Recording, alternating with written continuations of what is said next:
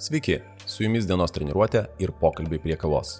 Mano vardas Laimis, esu fizinio rengimo treneris, kuris nuolatos stengiasi kažką naujo sužinoti sveikatingumo srityje.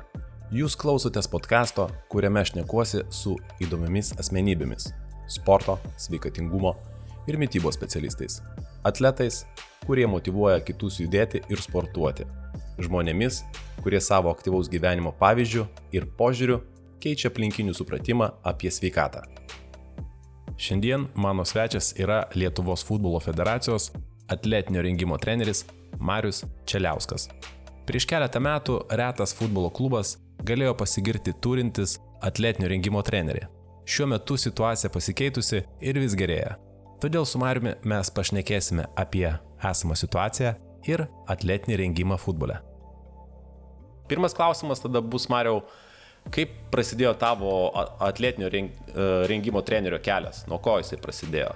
Tai visų pirma, aš užaugau žaiddamas futbolą visą laiką, mano tėtis yra futbolo treneris e, gimtam mieste Šilutį, tai e, tenai užaugau žaiddamas tiek jame, tiek lankydamas treniruotės, tai futbolas visada buvo širdį aišku, be futbolo ir visos kitos sporto šakos, tada laukia viskas buvo, mus kieme du krepšiai stovėdavo, tai tekdavo ir krepšį pa, pa, pamėtyti ir kitas sporto šakas, e, visokių prisigalvodavom. Tai va, tai sportas visada buvo ten ir e, mintis ir noras buvo e, siekti futbolo trenerio karjeros. E, ir, ir tada įstojau į, į reiškia, ne iš karto, ten toks irgi įdomi istorija, nes iš pat pradžių neįstojau to metinį kūno kultūros akademiją, nes trūko vieno balo, ten buvo, reiškia, dar tie normatyvai, kurie fiziniai normatyvai, kur galėdavo, sakykime, daugiau turėdavo šansų tie žmonės, kurie profesionaliai žaisdavo, kad galėtų atstovauti universiteto komandą ir panašiai. Tai bet po metų pasinaikino šitas, reiškia, įstatymai ir ir, ir tada gavosi pagal pažymį. Tai aš du metus padirbau Airijoje, paprast, paprastą darbą, kaip sakyti. E, ir paskui supratau tikrai, kad noriu ne su kompiuteriais dirbti, su žmonėms. Tai, tai grįžau, stojau į, į kūno kultūros akademiją ir pradėjau futbolo, futbolo bakalauro studijuoti. Ir antrais metais reikėjo pasirinkti antrą sporto šaką. Žinai, ir pas mus ten e, kursiokai krepšinį, tinklinį, rankinį, žinai, toks gaunas futbolo ir krepšinio treneris, žinai, arba futbolo ir stalo teniso treneris. Tai aš kažkaip užsikabinau irgi pasitaręs su tėčiu, kad, sako, jeigu dėstės Stanislavaitis, tai imk atletinį rengimą. Ir jo, sužinau, kad dėstės amžinaitis Aleksas Stanislavaitis atletinį rengimą, aš jį pasėmiau ir nuo pat pirmos paskaitos supratau, kad čia yra mano kad būtent tas žmogus mane įkvepia ir, ir pereiti ir pasirinkti būtent atletinį rengimą, o ne futbolo duoną. Tai va tokia pati pradžia, sakykime. O tai dabar žiūrėk, klausimas toks, o tu nenorėjai būtent pasirinkti karjerą kaip futbolo žaidėjas? Ar tu pagalvoji, kad galbūt tai yra visai net ne, ne tai, ką tu nori daryti? Tai e, iš tikrųjų svajonė buvo visų pirma žaisti futbolą, žinoma, profesionaliai, bet E, kaip sakyti, nebuvau ir antiek talentingas, kad pasiekčiau labai daug, sakykime, futbole. Ir kitas dalykas, paskutinis, kuris sutrūkdė, tai turėjau akies traumą, po kurios gydytojai uždraudė tiesiog žaisti toliau futbolą ir, ir buvo tinklainės atšoka, rimta trauma, operacija ir po kurios pasakė, kad geriau nežaisti ir tiesiog nusprendžiau, kad nuo čia vat, yra kitas, kitas kelias, tada pradėjau futbolo teisėjo dar duoną, šešis metus teisėjau ir tada, reiškia, trenerio sekė karjerą. O dabar žiūrėk klausimas, tu paminėjai, kad porą metų buvai išvažiavęs, dirbai Airijoje, aš pats Airijoje pragyvenęs šešis metus, ten studijavęs ir mano pora kolegų žaidžia Airijos tam, tam tikruose klubuose futbolo. Ir dabar klausimas, tu kai ten uh, dirbai, ar, ar nebandėjai, tarkime, mėgėjų klubuose žaisti, nes, nu, kai tu kaip ir žaidėjas esi. Mhm. Ar teko? Uh, Tai iš esmės aš dirbau EMC tokio didelį kompaniją, kuri tam su kompiuteriniam sistemom ir aš žaidžiau už tą kompaniją futbolą. Mm. tai va, tai, tai tas, kaip sakyt, noras nedingo, būdavo ir per tą pietų pertrauką greit pavalgai, pasiskirstai ir, ir ten, žinai, tą futbolą vis dar pažaidži, žinai. E, tai va, tik tai tiek e, toje vietoje ir Nes a, a, aš iš savo patirties šneku, nes pas mus tai buvo, bent jau aš nežinau, a, kokiam tu mieste buvai? Kork. Kork. Kork. O, oh, come on. Rimtai korkė? Yeah. Aš, aš yeah, irgi buvau. Yeah, yeah. Aik, tu geras. Nes yeah, yeah. Korkė, korkė buvo keli dalykai. Aš iš tikrųjų dirbau bounceriu ir mes saugodom varžybas futbolo. Irgi. Mm -hmm. yeah, okay. okay. Esu buvęs rungtynėse prieš Red Star, žaidė prieš Red Star Europos lygoj, Cork City atranką. Tai, tai Jo, tai žinai, ir esmė yra ta, kad e, buvo keli pasirinkimai apskritai e, būtent tam mieste ir populiarūs. Tai buvo arba Hebra eidavo žaisti e, futbolą, arba eidavo į Tailando boksą. Dvi, dvi, mm. jo, nu dar aišku, Herlingas ir visi kiti. Gailė, gailė, jo, jo, jo, jo, jo, jo, ten pas juos, tai ganėtinai, nes aš kaip pirmą kartą pamačiau, kad, žinai, Hebra bėgioja su kamoliu futbolo ir jį spardo ir galvojau, čia kas čia, nei regbis, nei, nei kažkas, tai žinai, bet jo, toks ganėtinai įdomus. Tai, tai supratau, tai tu vienu žodžiu pasirinkai a, a, atletinį rengimą, e, bet pats be viso šito, dėl, norėčiau užduoti klausimą, pavyzdžiui, tavo susipažinimas su tuo pačiu fiziniu rengimu. Nu, ar pats dar sportavai, kai dauguma žmonių dar eina sporto salės, treniruoklius, ar tu visi pasirinkęs buvai tokį funkcinį treniravimąsi pats?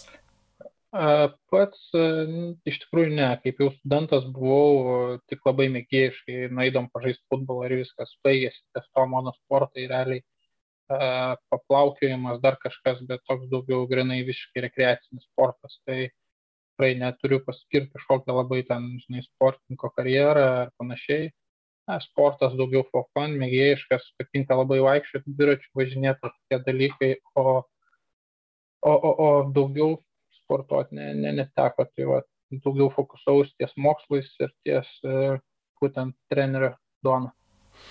O tai kai tu baigiai uh, uh, būtent bakalauro, ar pas tave buvo kažkaip, va, pradėjai savo karjerą su futbolu, kiek aš žinau, tu uh, dirbai nacionalinėje akademijoje nuo 2011 iki 2018, kaip minėjai, ir teisėjavai, kaip suprantu, dirbai ir su mažais vaikais, su U grupė dirbai.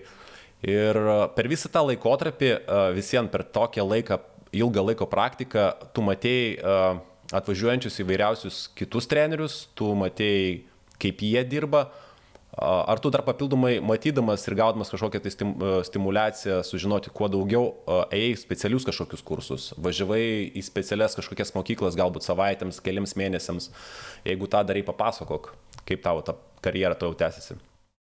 Tai tikrai taip, kai, kaip ir pats minėjai, 2011 metais pradėjau dirbti akademijoje, dar nebaigęs universiteto, buvau kaip paskutiniam kurse atlikau praktiką tenai ir pasiūlė likti e, būtent atletinio rengimo trenerio pozicijai. E, aišku, žinoma, pradžiai ten daugiau padėjau. Gracijų Gradauskų treneris, kuris taip pat žinomas Lietuvos sporte, e, dirbdamas su komandiniam sporto šakom, tai buvo tikrai privilegija mokytis pačioj pradžioj visą tą pagrindą perimti iš Aleksos Penslovaičio tada iš Gracijos Girdausko ir tada sekė daugumą kursų užsienyje, kur, sakykime, pradėjęs dirbti akademijai, po kelių metų pradėjau dirbti su futbolo teisėjais, pats jau nebeteisiau, bet e, dirbau kaip atletinio rengimo treneris, o kaip tik tuo metu UEFA labai stipriai gerino teisėjų fizinį pasirengimą ir labai daug dėmesio skiria e, treneriam, jų atsiradimui ir, ir būtent mokymam.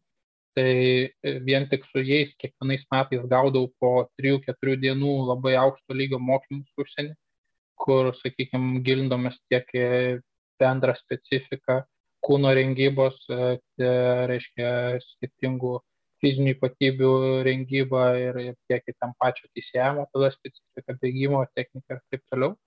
E, tai vat, netgi, sakyčiau, dabar bandau skaičiuoti septynis metus iš eilės, tenai teko dalyvauti tuose kursuose. E, tada būtent tų kursų metu susipažinau su Werner Helsen, kuris yra labai žinomas mokslininkas e, futbol fitness srity, vienas iš, sakykime, dabartinių UEFA instruktorių, kuris e, moko Europos trenerius. ir susipažinau su kitų tokių irgi labai didelę palikusių įspūdį trenerių Roman Jehoda, tai Austras, kuris būtent fokusuojasi ties kūno rengybą, mobilizaciją, stabilizaciją, jėgą ir taip toliau. Jisai pats tuo metu turėjo kliniką Austrijoje, kurioje dirbo 40 specialistų, jis yra išradėjęs Complex Core programos, nežinau ar teko girdėti, Ne. bet e, tikrai įdomi programa, sudarinėti dideliom programom, virš 3000 pratimų specializuotus į, į, į grinai pagal lygius. E, tai vad pas jį tikrai 3-4 metus teko labai daug irgi išmokti. Tai toliau sekė tokie kursai World Football Academy, kur yra Raimond Verheyen, kitas vienas žinomiausių, sakykime, atletinio rengimo specialistų futbole, tai Olandas, kuris apskritai labai charizmatiška asmenybė, labai įdomiai veda kursus, teko du metus šilės dalyvauti kursuose Estijoje pas jį. E, tai jisai dar vienas toks žmogus, kuris taip pat paliko, sakykime, savo anspaudus, e, privertė mąstyti sistemingai, e, primint, pri, kaip sakyti, privertė mąstyti e, periodizuotai, kas po ko, kaip, kodėl, kiek ir labai aiškiai e, viską suvedė su futbolu, būtent nes e, noris kuo daugiau tų pratimų ir kuo daugiau visko pritraukti specifiką, bet aišku, ne viską įmanoma padaryti, bet e, labai daug supratimo gavau, ką reiškia žaidimas 3 prieš 3, 8 prieš 8, 11 prieš 11, kaip skiriasi visi šitie dalykai. Ir tada, e, aiškiai, kelis metus teko dar dalyvauti futbol po fitness kursuose, kur vėlgi geriausi specialistai atletinio rengimo dalinos patirtim. Stažuotės kelios buvo Italijoje, Danijoje. Tai tokių, kaip sakyti, teko tikrai nemažai mokytis ir, ir, ir gerų specialistų. Tai tu tokį ganėtinai labai platų spektrą ir, uh, turi uh, kursų ir platų spektrą, galima sakyti, uh, valstybių, nes ir, ir, ir Italija, ir Austrija, ir, nes kiekvienoje valstybėje biški šiek tiek skirtingai yra požiūris į futbolą. Ir dabar grįžtant prie Lietuvos, daugelis greičiausiai nelabai supranta, ką tas atletinio rengimo treneris daro ir kam jis apskritai reikalingas komandai. Tai gal, tarkim, gali pasakyti, kokia tavo yra, pavyzdžiui, pareigybė kaip atletinio rengimo trenerio komandoje? Na, laimė reikėtų čia pradžiai galbūt įsiryškinti, apie kokią kalbam kontekstą, nes, sakykime, buvo labai įvairios tos patirties, sakykime, dirbant su jaunimu ar ne, kad nacionaliniai futbolo akademija, kada buvo suvažiavę geriausi jauni žaidėjai, kurie dabar atstovauja ir nacionalinį rinkinį nemažai iš jų. Ten jie gyveno vienoje vietoje, ruošėsi, reiškia, tikrai tobulėjo ir ten buvo vienokia koncepcija, sakykime, rengimo, ar ne, kai tu jos čiupinėjai diena iš dienos, matai jų gyvenimo būdą ir visą kitą. Ir gali labai giliai įsigilinti, ne tik kontroliuodamas pačią treniruotę ir krūvius, bet ir miegą, mytybą ir visą kitą. Kitas dalykas, sakykime, kada, yra, tu, kada tu dirbi profesionaliam klube, ir ne, teko dirbti du metus Vilnių Žalgerio klube, tai ten yra vėl kita specifika, kur yra vyrų futbolas, kur yra daug žaidėjų atvažiuojančių naujai iš užsienio, Ir, ir sakykime, dabar paskutiniai du metai tai yra Lietuvos futbolo federacijai ir, ir būtent darbas su nacionalinė vyrų rinktinė, nacionalinė moterų rinktinė tenka prisidėti ir prie visų kitų rinktinių, kaip koordinatoriaus darbo dirbti. Tai visur, visur, sakykime, tos funkcijos šiek tiek skiriasi, bet bendrai apžvelgiant, tai visur, sakykime, vyruoja tas uh, kūno rengyba. Taip, tai čia yra atletinio rengimo trenerio atsakomybė, taip pat uh, planavimas, ar ne, kartu su vyr treneriais, e, vėlgi kokį tu turi kontaktą su jais ir panašiai, bet su vienais geriau, su kitais, e, reiškia, daugiau įtakos gali turėti, su kitais mažiau įtakos, bet vis tiek yra planavimas.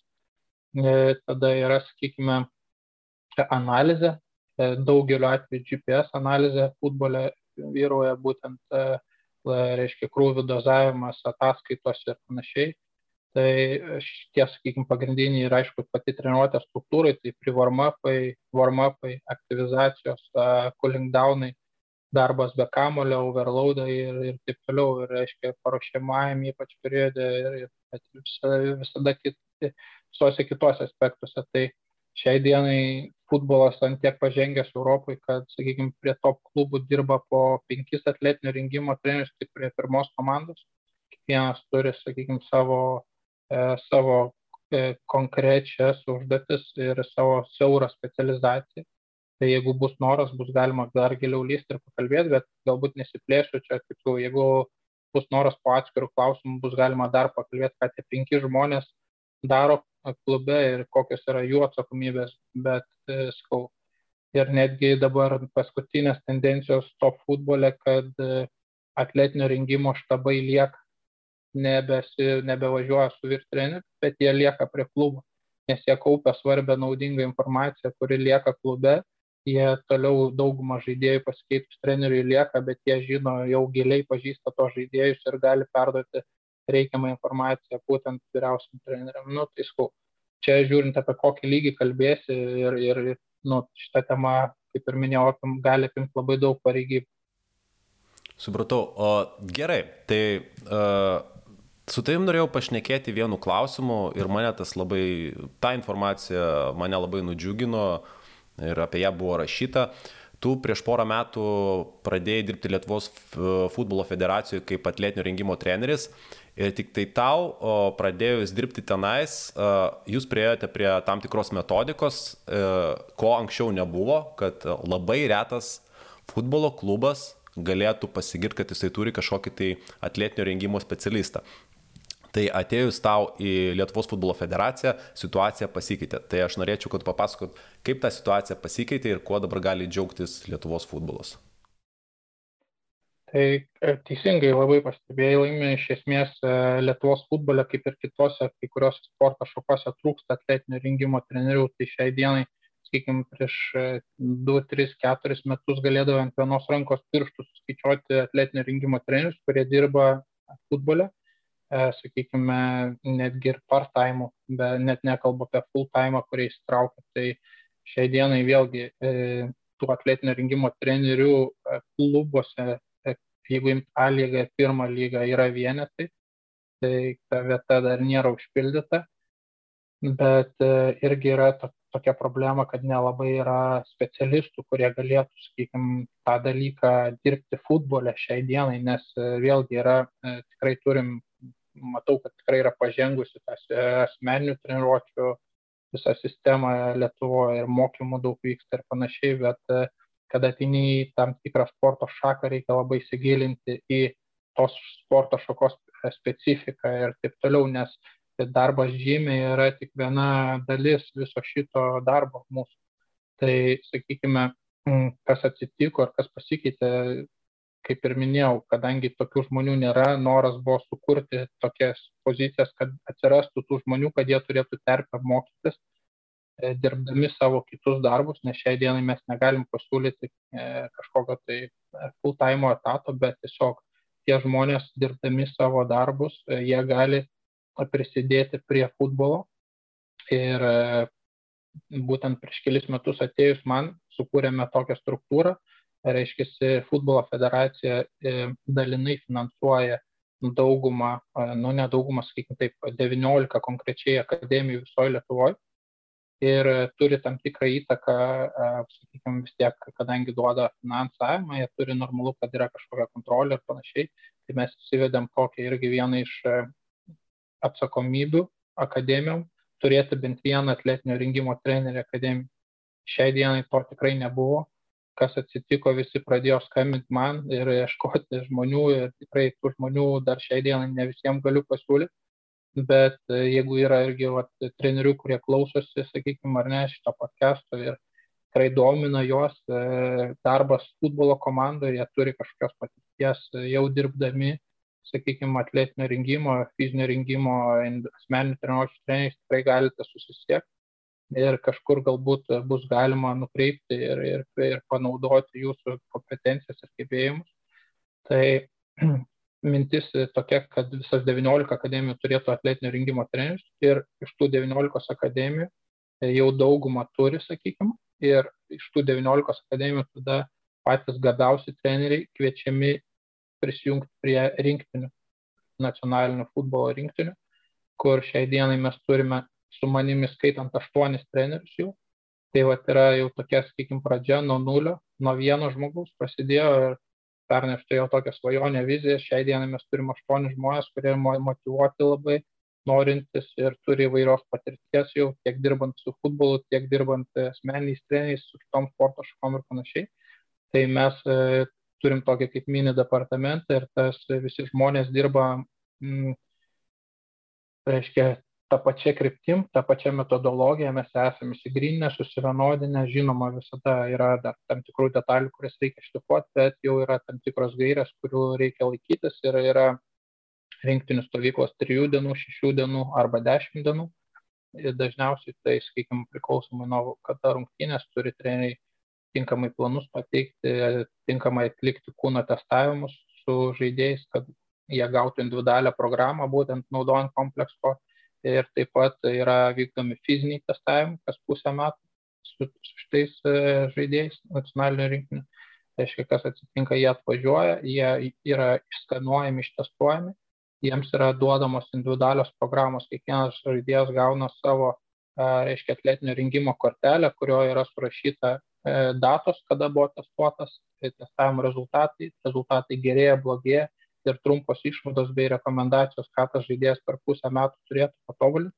Ir būtent duodama ir pratimai kažkokie tai, sakykime, tiek kūno rengybos, tiek galbūt daugiau aerobinės ištvermės, kur mes matome, kad yra šiandienai futbolo problemos Lietuvoje nes virš 60 procentų žaidėjų ne, jaunimo rinktinėse nepatenka į žalę zoną, sakykime, pagal jo testą, sakykime. Tai e, labai sunku konkuruoti, neturint geros aerobinės bazės ir tai labai sunku kažkokias kitas fizinės ypatybės ugdyti, jeigu nėra šito gero atsigavimo ir teisingos, reiškia, e, kraujotakos sistemos paruošimo ir panašiai. Tai Tai vat būtent e, ir tada sekantis toks kaip trečias, ar ne, pirmas yra akademijos, 19 akademijų, antras yra rinktinės ir trečias e, laiptelis yra trenerių edukacija, tai futbolė yra UEFA licenzijos, UEFA C, B, A ir Pro licenzija ir būtent gabiausi tie, sakykime, treneriai, kurie jau sukaups tam tikrą patirtį ir galės e, dalintis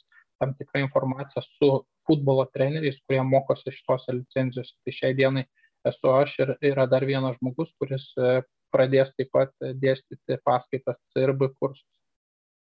Tai va tokia va struktūra, sakykim. O tai klausimas dabar kitas. Jūs susidėliojate tą struktūrą, susidėliojate testavimus, susidėliojate rengybą. Klausimas, ar tu susidėliodamas visą šitą pasirinkai kažkokį tai modelį, nu, pavyzdžiui, galbūt kažkokį tai sporto, tiksliau, futbolo klubo ten, nežinau, Anglijos, Prancūzijos, ar kurie taiko būtent va tokią sistemą. Nes čia nebuvo, kad tu iš lempos paėmė ir pasakė, va mes darysime taip. Ar buvo kažkoks, kažkokios tai gairės? Ne, tai iš lempos, kaip sakyti, iš lempos nelabai ne šiais laikais kažkaip ne, ne, neapgausi žmonių turbūt. Tai e, iš esmės, e, kaip sakyti, ta struktūra, e, vis tos 19 akademijų dirba pagal belgų modelį Anderlecht Anderlecht klubo, kuris yra žinomas savo žaidėjų rengime, būtent federacija pasirinko šitą modelį ir e, kaip ir futbolo gairės, taip ir atletinio rengimo gairės ateina iš jų, bet e, taip pat yra ir mano daug indėlio per tą dešimt metų sukauptą patirtį ir taip toliau. E, išgrininti tam tikri, sakykime, kūno testai, fiziniai testai, e, periodizacijos ir panašiai. Tai sakykim pasitelkę šiuo atveju be viso šito žinoma tenka man bendrauti su labai daug šalių specialistų iš vokietijos anglijos e, pasinaudojant būtent ir rinktinės e, žaidėjų kontaktais ir panašiai tai tikrai tos informacijos toje vietoje mums netrūksta ir e, iš esmės futbolas, sakykime, tik dabar atsispiriam nuo kažko tai ar net tam atletiniam rinkime, nes iki tol buvo kažkas kažkur pavieniui galbūt dirbo, dirbo gerai, bet nebuvo kažkokios struktūros, vienodo mąstymo, tai vat, būtent dabar yra noras tą sukurti, e, būtent naudojantis belgų modeliu ir, ir kaip minėjau, ir mano, mano pačio patirtim ir to modeliu apjungiant ir, ir, ir dar.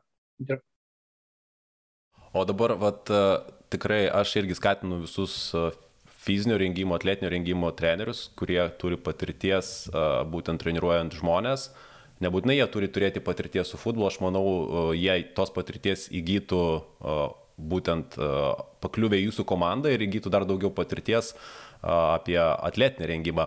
Bet va dabar klausimas yra toks, ką jie turėtų suprasti. Pavyzdžiui, kokios savybės Fizinės savybės būtinos lavinti futbole. Kokios yra būtinos fizinės savybės? Nes galbūt vienas treneris galvos, kad vien tik tai, tik tai ištvermė, kitas galvos, nu, jie turi būti raumeningi, tokie stiprūs kaip arkliai ir bėgioti paskui tą kamolį. Tai ką treneris turi žinoti, kokias savybės mes turėtume lavinti? Be tai kurių savybių... Futbol... Jo, be kurių savybių negalėtų būti geras futbolininkas?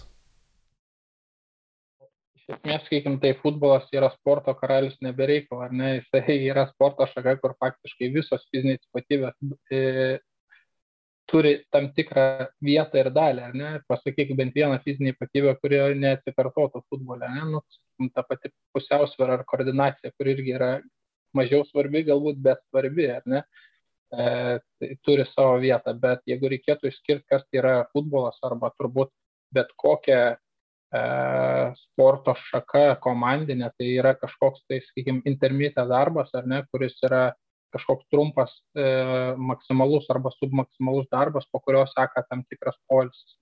Tai jeigu taip, sakykime, liaudiškai kalbant pagal tą, ką, sakykime, įpratę atletinio rengimo treneriai, tai būtų daugiau galingumo ištvermė bet e, noras, e, žinoma, būtų iš karto ruošti galingumo ištvermę, bet ne nuo to status namas ir ne nuo to status piramidė, tai galingumo ištvermė jau yra toks, sakykime, galutinis produktas ir galutinė treniruočio metodika, į kurią reikėtų atsiremti. Tai e, visų pirma, tai e, aerobinis pamatas, ar ne, aerobinė ištvermė, tada eina, reiškia, e, aukšto aerobinio pajėgumo ištvermė, gebėjimas bėgti aukštų tempų, atitinkamas distancijas toliau reiškiasi e, galingumas. E, futbolė atsikartojančios daugiausiai distancijos 5, 15, 25 metrai. Tai greitis, bet vėlgi noriu privesti prie to, kad kas galbūt net, netekė sudurti dirbant su, su sporto šakom, greičio savoka yra visai kita, e, sakykime, e, lengvojo atletikoje ir sportiniuose žaidimuose nes greičio savoka sportiniuose žaidimuose apsprendžia ne tik greitis. Greitis pats iš savęs apsprendžia tik tai 25 procentus, nes kitus po 25 apsprendžia momentas, kada tu pradėsi bėgti. Tada reiškia kryptis, kokia tu bėgsi, nes futbole tu gali už, užkišti korpusą, gali žaisti petys į petį ir nebūtinai būti greitesnis, bet būti pirmesnis prie kamuolio. Tai reiškia e, kryptis, momentas, ir e, e, momentas, kada ir pozicija, iš kurios tu pradėsi. Nes lengvojo atletikui tai visi sustatomi startą, o futbole tavo pozicija priklauso nuo tavo žaidimo, intelekto ir suvokimo. Tai jeigu tu būsi protingas žaidėjas ir mokėsi užsimti teisingą poziciją, normalu, kad gal galimai tu būsi pirmesnis prie kamuolio. Tai jeigu žiūrėt, kuo skiriasi iš esmės, tai lengvojo atletikui greitis tai yra e, būti pirmam, e, būti greitesniam o futbole greitis yra būti pirmam prie kamų ar kažkokioje situacijoje. Tai, tai vat, yra visi šitie niuansai, kur, sakykime, į kuriuos reikia atsižvelgti, treniruojant galingumą, greitumą ir taip toliau. Tai galingumas, galingumo ištvermė, vikrumas, vikrumas labai svarbus, nes e, tiesioje bėgimo yra labai nedaug, nežinau, ar tekia matyti ir ten tam tikrus palyginimus e, internete, kur Cristiano Ronaldo buvo testuojamas, analizuojamas, lyginamas, kuo jisai skiriasi nuo sprinterio. Tai pagrindinis akcentas tai, kad e, reiškia futbolę labai nedaug to linijinio bėgimo, yra daug krypties, kaip virš tūkstančio kartų žaidėjas pakeičia kažkokią tai judėjimo kryptį per rungtynę. Tai vad būtent šitos fizinės ypatybės, sakykime, dominuojančios. O kadangi vyksta analizė žaidėjų ir futbolo, internete plaukia tikrai labai nemažai analizių palyginimų nuo pozicijų, kokioje pozicijoje žaidžia žaidėjas, kiek vidutiniškai futbolo žaidėjas nubėga per rungtynės, per 90 minučių. E, tai labai gerą temą iš tikrųjų palėtė, iš esmės e, vėlgi varijuoja pagal poziciją labai stipriai. E, sakykime, apytiksliai vidurkiškai apie 11 km per 90 minučių, 95 minutės nubėga žaidėjas. E, vartininkas per pusę mažiau, bet, e, sakykime, vėlgi viduj pagal pozicijas labai priklauso. Vidurio gynėjas arba vidurio polies gali nubėgti tik tai 800-900 metrų. Tai čia vėlgi apskritai fizinį rengimą tą, ką tu aikštėje padarai, labai apsprendžia žaidimo stilius ir prieš ką tu žaidži ir rezultatas koks yra ir panašiai, nes kartais žiūrint tą pačią GPS ataskaitą atrodo, kad tu galbūt nenubėgai ten aukštų tempų tiek, kiek reikėtų, bet yra tam tikri futbolo niuansai, kur galbūt tu spaudai varžovus pusėje aikštės, ar ne, ir tu tik tai pusėje aikštės žaidėjai daugumą laiko. Tai natūralu, kad tu nenubėgsi tam tikrų atkarpų ir distancijų ir tada yra visi kiti parametrai e, - akceleracijos, deceleracijos, metaboliniai e, pajėgumai, e, aukštas intensyvumas ir taip toliau, kurie, sakyčiau, labiau apsprendžia futbolą negu bendrą distanciją. Mhm. O tai gerai, uh, įsiaiškinom tokį, kad nu, skiriasi atstumų nubėgimas uh, priklausomai ir nuo žaidimo stiliaus, priklausomai nuo pozicijos. Uh, bet kai visus tu treniruoji iš esmės, nu, pagreitėjimui, sprintui, krypties keitimui, sakykime, bendrinis turis treniruotės ir atstumo, kuris nustatomas, ar jisai yra visiems vienodas. Nu, kaip pavyzdys, sakykime, visi susirinkom ir tu sakai, taip, dabar visi darote, sakykime, aštuonis pagreitėjimus po 800 metrų. Ar, pavyzdžiui, vartininkui reikia šitą daryti, ar nereikia, nes jisai kaip ir per pus mažiau nubėga. Ar, ar, ar, ar visi daro tą patį? Tai, sakykime, vartininkui tai vienareikšmiškai visai kita specifika, ar ne? Vartininkas e, per rungtynės turi atlikti 10 kažkokių tai galingų judesių per 90 minučių. Tai reiškia, kas 9 minutės, kas 5 minutės po kažkokį tai galingą judesį. Tai čia turbūt šito vietą apie jokį ištvermę neturėtų būti kalbos, bet e, tai pačioj, sakykime, žaidėjų pozicijos, ar ne, žaidžia be vartininko dar 10 pozicijų ir e, vėlgi e, kraštiniai gynėjai turi bėgti aukštų tempų daug, vidurio gynėjai turi e, sugebėti būti sprokstantis daugiau kartų, greičiau atsistatinėti visiems. Aišku, vėlgi tada priklauso dar labai nuo vieno niuanso, kurio galbūt dar nepaminėjai, nuo pačio žaidėjo profilio. Nes, sakykime, yra tokių žaidėjų iš savęs, kurie yra sproginėtojai, ar ne, kurie gali daug atlikti sprokstamų judesių su trumpu polius. Yra tokie žaidėjai, kurie yra bėgikai, kurie gali vienu tempu bėgti nuo baudos aikštelės iki baudos aikštelės visas 90 minučių, tai čia daugiau nuo įgimtumo priklauso. Ir tie patys du žaidėjai gali būti abu du vidurio saugai, tai čia vėlgi. Ir tada turėtų skirtis ir šitiem dviem e, žaidėjim treniruočio metodika. Aš pats tai labiausiai per pre-seasoną tu nori privesti visus daugmaž per, e, per panašų paruošiamą ir ne, kad visi turėtų gerą aerobinę bazę, kad raumenynas būtų paruoštas, E, tinkamai, reiškia, pagal jėgos periodizacijas ir taip toliau. E, ir tada sezono metu tu stengiasi labai individualizuoti pagal pozicijas, pagal žaidimus, pagal profilius, pagal amžių. Vėlgi vyresniems žaidėjams reikia daugiau laiko, žinoma, ir atsistatyti ir jie jau patys savo kūną labai gerai pažįsta ir panašiai. Tai sakyčiau taip, kuo daugiau atletinio rinkimo treneris gali nueiti į individualumą, to jis yra geresnis ir to pasieks geresnių komandinių rezultatų. Tai va čia ir yra būtent esmė, kaip giliai tu gali pažinti žaidėją, jį ištirti ir pataikyti jam į dešimtuką pagal fizinį krūvį. Ir dar yra, sakykime, kaip pavyzdys komandai 20 tik tai žaidėjų ar ne, 20 plus ir tu normalu, kad tau užtrunka laiko pažinti kiekvieną ir kiekvieną įsigilinti. Tai va čia yra irgi problema, kada ateina naujas atletinio rengimo treneris į klubą, jam reikia laiko pusę metų ar kažkiek tai mėnesių, kad jisai pažintų, bet to laiko dažniausiai nebūna, nes jis turi prisizoną iš karto daryti ir turi eksperimentuoti kažkokiais tai fiziniais krūviais ir žiūrėti, kam tinka, kam netinka ir taip toliau, tada pasideda kontrolė. Tai labai labai labai daug niuansų, sakykime, futbole, bet tom ir įdomu yra iš tikrųjų e, dirbti ir gilintis ir, ir, ir, ir kuo daugiau gilinės, to daugiau e, visokių dalykų sužinai. Ir daugiausia ir geriausia mokykla tai yra praktika. Turbūt, tai vėlgi pra, dirbant, praktikuojantis, e, supranti daug, daug niuansų. Ir kitas dalykas turbūt dar yra toksai kaip dirbant, pavyzdžiui, su vyrais, kas irgi įdomus labai niuansas, ar ne, su profesionalais vyrais, jie atsineša tam tikrą savo žinių bagažą ir tam tikrą savo suvokimą, ar ne. Ir, pavyzdžiui, tau žaidėjas prieina ir, nu, pavyzdžiui, gali paprašyti, sakyti, aš geriau jaučiuosi, ar ne, kai aš atlieku savaitės vidury, tam, pavyzdžiui, kažkokius high intensity bėgimus ir panašiai. ir tada tu žiūri, ar jam iš tikrųjų tai tinka ir tada tu duodi patarimą, kurią dieną, kiek kaip tu su juo kartu padirbi, nes jam tai vien padeda psichologiškai geriau pasiruošti, nes jis tada jaučiasi, kad jis padarė tą darbą, kurio reikia.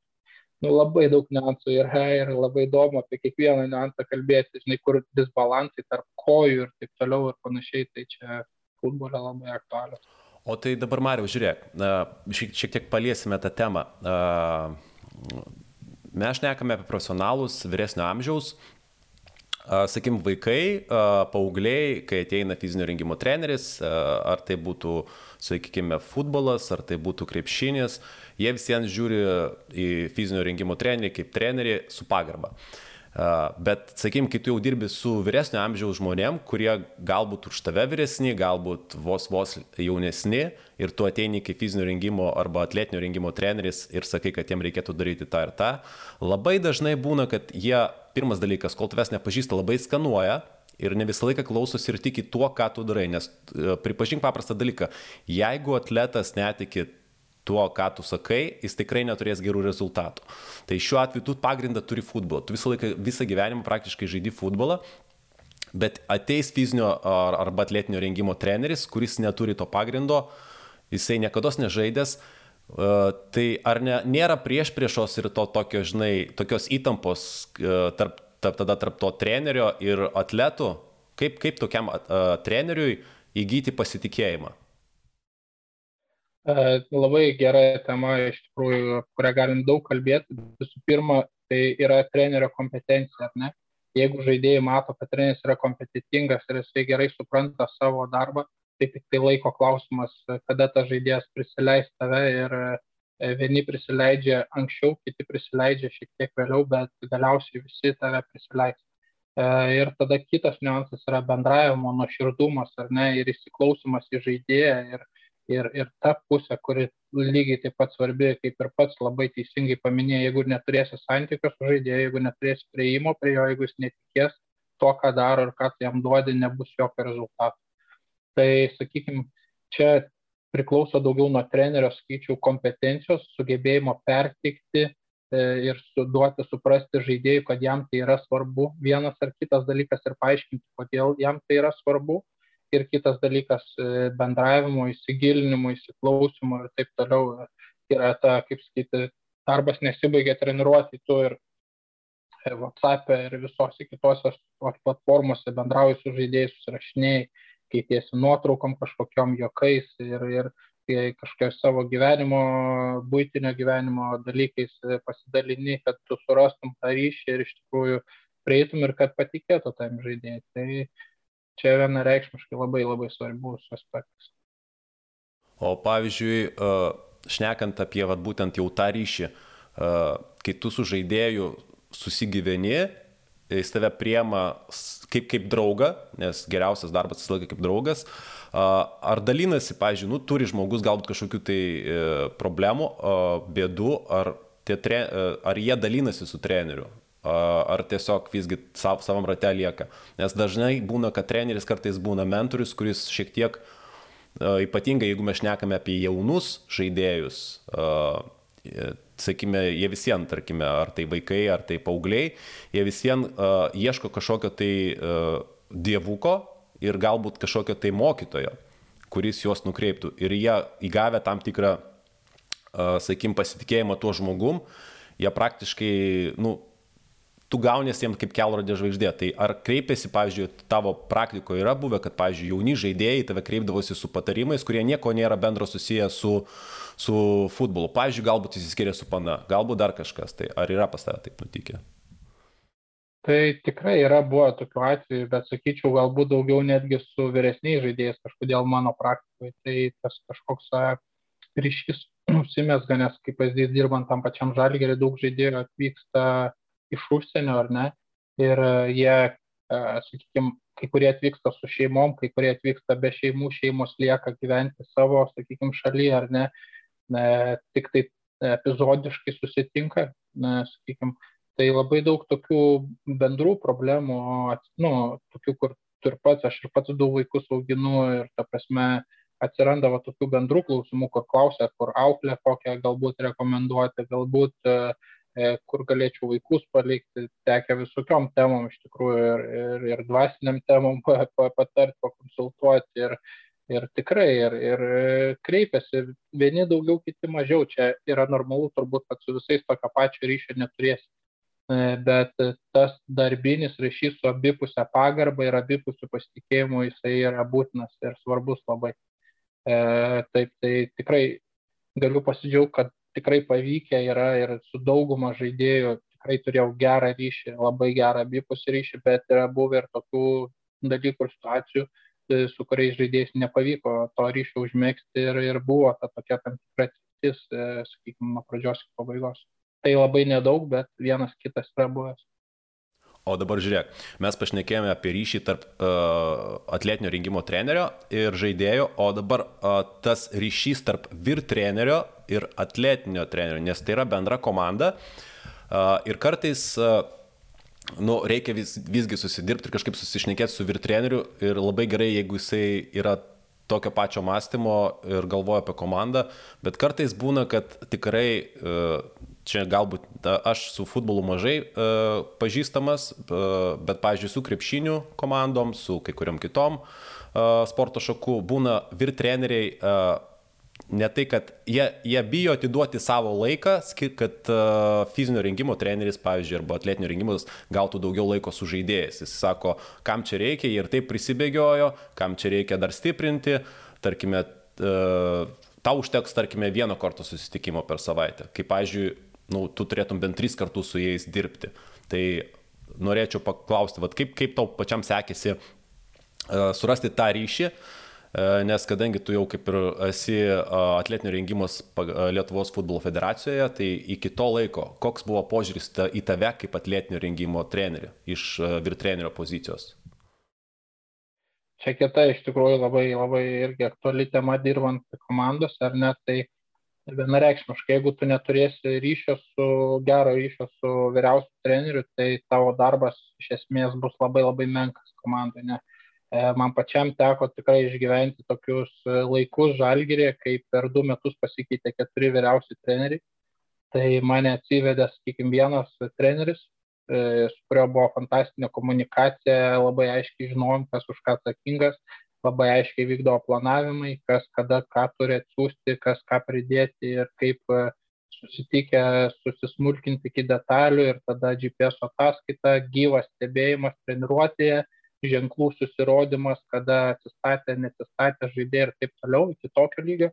Ir yra buvę pavyzdžių, kur, e, sakykime, kur, kur, kur reikia laiko šiek tiek, mm, apsiprasti vyr treneriui su tavim, suprasti tavo kompetencijas, suprasti tavo gebėjimus ir tu tada vėl kaip ir su žaidėjais, taip ir su treneriu tu turi tas kompetencijas įrodyti ir įrodyti, kur tu gali būti naudingas. Ir tokiu atveju, kai per du metus pasikeičia keturi vyriausi treneriai, tai yra labai nelengva e, patirtis ir tada yra buvo ir tokių patirčių, kur e, tu tiesiog e, esi nereikalingas vyr nes vyr pats yra sugalvojęs kažkokį tai fizinį pratimą, kurio tiki bėgioti su štanga ar dar kažkokį, e, ta prasme ir taip toliau, ir tiem niekaip neįrodysi, kad e, kažkas čia netvarko ar galėtų būti kitaip ir panašiai, nes jisai tiesiog užsidėjęs sieną ir, e, ir tu gali tą sieną, ką nori daryti, jinai neatsidaro ir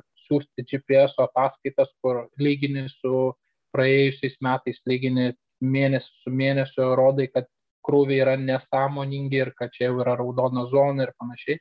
Ir jis tada yra tokių nedalykų, kad sako, ne, ne nebenaudosime GPS, nes mums nereikalinga. Tai e, vienareikšmiškai labai labai svarbu yra e, komunikacija su vyr treneriu, nes vyr treneris yra pagrindinis žmogus, kuris neša atsakomybę už klubo, už komandos rezultatus.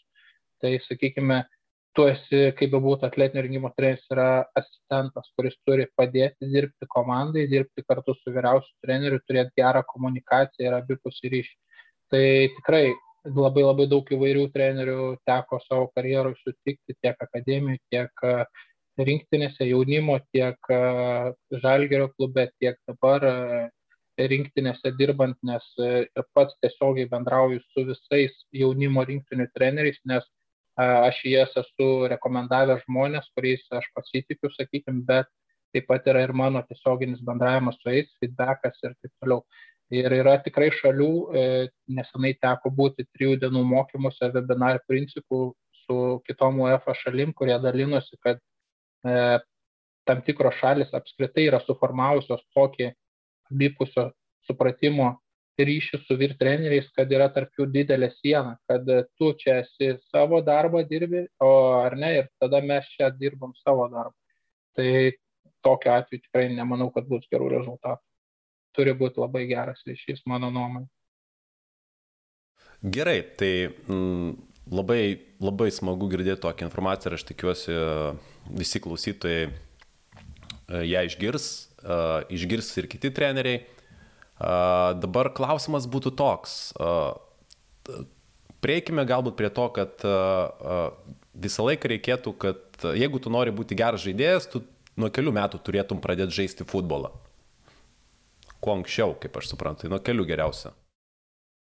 Čia, kaip sakyti, nėra turbūt įrodyta, nes visokių yra e, niuansų, sakykime, paprastai pradeda Europos šalyse ir Lietuvoje 5-6 metų vaikai žaisti futbolą.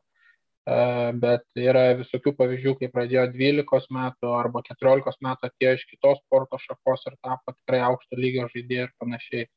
Mm, tai kalbant e, apie tą, sakykime, nemanau, kad yra kažkoks amžius būtent, e, vėlgi yra talentas, darbas, noras dirbti, įrodyti, įgim, įgimtos tam tikros savybės, tiek fizinės, tiek psichologinės e, ir, ir panašiai. Bet įprastai praktika 5-6 metų vaikai pradeda sportuoti. Mhm. O, o dabar žiūrėk, kitas klausimas Visi tėvai e, nori, kad jų vaikai būtų Cristiano Ronaldo. Visi nori, kad būtų nuostabus, faini. Ir tavo nuomonė, ar tie vaikai, nes visiems tu greičiausiai per savo ilgą laiką tarpą, kur, kuriam tu esi futbole, tu matęs, sakykim, po, po dešimt metų, va, tas vaikinukas, kurį tu matei prieš dešimt metų ir jisai jau gal žaidžia kažkokioje tai pozicijoje, Nežinau, kiek pas tavęs, tarkim, yra tų duomenų renkamų, bet ką aš noriu paklausti, ar yra skirtumas tarp to vaiko, kuris visą laiką savo koncentruoja tik į futbolą, ar jis visgi yra, uh, uh, sakykime, tas vaikas turi didesnį pasisekimą, kuris turi didesnį pasirinkimą sporto šakų, tai kuris nėra vien tik tai futbolo žaidžia, jis galbūt dar žaidžia krepšinį, galbūt tinklinį, galbūt kita sporto šaka. Uh, užsiema, ką aš turiu omeny dėl vaikų, kai pas juos suvokimas erdvės keičiasi. Ne vien tik tai, kad futbolo aikštelė, bet gali būti ir, pavyzdžiui, tas ground game'as, pavyzdžiui, galbūt imtinės ir taip toliau. Kokia yra tavo nuomonė? Ar vaikas turi papildomai dar atlikti kitą fizinę veiklą, ne, ne tik futbolą? Tai irgi labai įdomi tema, aišku, labai daug yra įvairių dabar ir mokslinės literatūros ir labai daug tyrinėjimų, ar ne, apie ankstyvą specializaciją ir E, mano nuomonė, kad ankstyvo jaunystėje reikėtų pabandyti kuo daugiau tų sporto šakų, ar ne, ir kuo didesnės judesių įvairovės, e, nes vėlgi tik tai tam tikra sporto šaka, e, kiekviena sporto šaka turi tam tikrus dominuojančius raumenis, ar ne, kurie, sakykime, vyrauja tuose judesiuose ir futbolas tai ypatingai, sakykime, kada tu kamoliu dažniausiai spiri savo stipriaja koja, ne visi žaidėjai, ne visi treneriai akcentuoja ir silpnosios kojos, sakykime, treniravimo privalumus ir panašiai, atsiranda asimetrijos ir dideli disbalansai ir taip toliau ir panašiai. Tai iš esmės, e, sakyčiau, e, ko vėlesnė ta, nu, ne, ne ko vėlesnė irgi negali sakyti, bet ankstyvo jaunystė reikėtų judesių įvairovės, įvairiai išbandyti įvairias sporto šakas ir pats, pačiam tekia treniruoti žaidėjai, kurie iš dzido atėjo labai tikrai galingi vyrukai, kur gali savo galingumą panaudoti futbole. Ir, sakykime, kitos mokyklos kaip Ajaxo ar tą pačią Anderlecht ir taip toliau taip pat e, veda savo jaunus e, žaidėjus tiek į dzido, tiek į, sakykime, kažkokias tai e, akrobatikos užsiemimus ir taip toliau, kad būtent išgauti kuo didesnę tą judesių įvairovę, koordinaciją, suvokimą erdvių, kaip, kaip ir pats minėjai ir panašiai. Tai vienareikšmiškai, manau, nereikėtų per anksti susispecializuoti tik tai į vieną sporto šaką.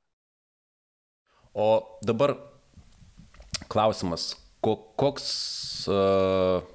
Kokios didžiausiai pasitaikančios traumos yra futbolo, būtent žaidimuose, treniruotėse, futbolo srityje? Kas yra silpniausia? Sakykime, tai iš esmės yra labai daug tyrimų darant ir na, reiškia, daug labai finansuoja ir, ir skiria dėmesio tam traumų tyrinėjimui. Pagrindinės traumos apie 30 procentų yra šlaunies rytį ir didžioji dauguma traumų yra būtent hamstringose, ar ne, šlaunies galvėje raumenį.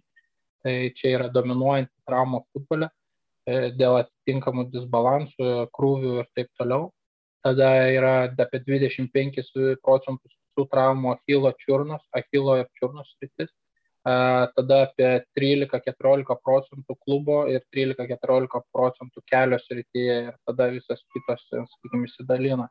Ir netgi yra padaryta tyrimai, kada tos traumos daugiausiai gauna, gaunamos ar net ir dėl kokių priežasčių. Tai e, apie 23 procentai visų traumų gaunamos sprintuojant, E, tada e, apie manoma, kad apie 15 procentų traumų yra dėl perkrovos, ar ne, dėl overloado, per didelių krūvių ir panašiai. Ir tada visos kitos po kontaktinės traumos ir taip toliau ir panašiai. Tai iš esmės e, mes prieinam prie to paprasto dalyko, kad traumos, didžioji dauguma traumų yra nekontaktinės. Tai grinai yra perkrovos, net laikymai, disbalansai, koordinacijos, liksvaros ir panašiai problemos, kurios priveda prie galbūt netinkamo nusileidimo, netinkamo stabdymo, netinkamo krypties keitimo. Ir va šį čia, aš kaip suprantu, viena iš tų dalių, kur ateina būtent atletinio rengimo treneris, kuris matydamas tos disbalansus, stengiasi atlikti paprastą dalyką, kaip aš dažniausiai aš neku, kad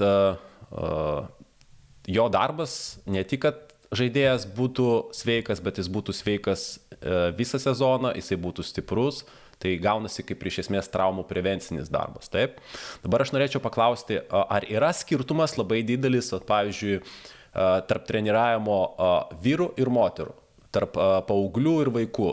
Kokie yra pagrindiniai skirtumai nuo part amžiaus ir lyties? Pavyzdžiui, kiek aš suprantu, pavyzdžiui, su moterim viena iš tokių didžiausių problemų, kiek man teko domėtis ir didžiausių traumų santykio, jeigu mes šnekame pagal statistiką, pas moteris yra didesnis santykis e, kryžminio plyšimo, vien tai dėl to, kad moteriams iš visų klubais, e, klubų silpnumų atsiranda didesnė tikimybė, kad jos gali savo kryžminius nusiplėšti. Tai o kas, kas dar, kokie yra skirtumai treniravimo galbūt?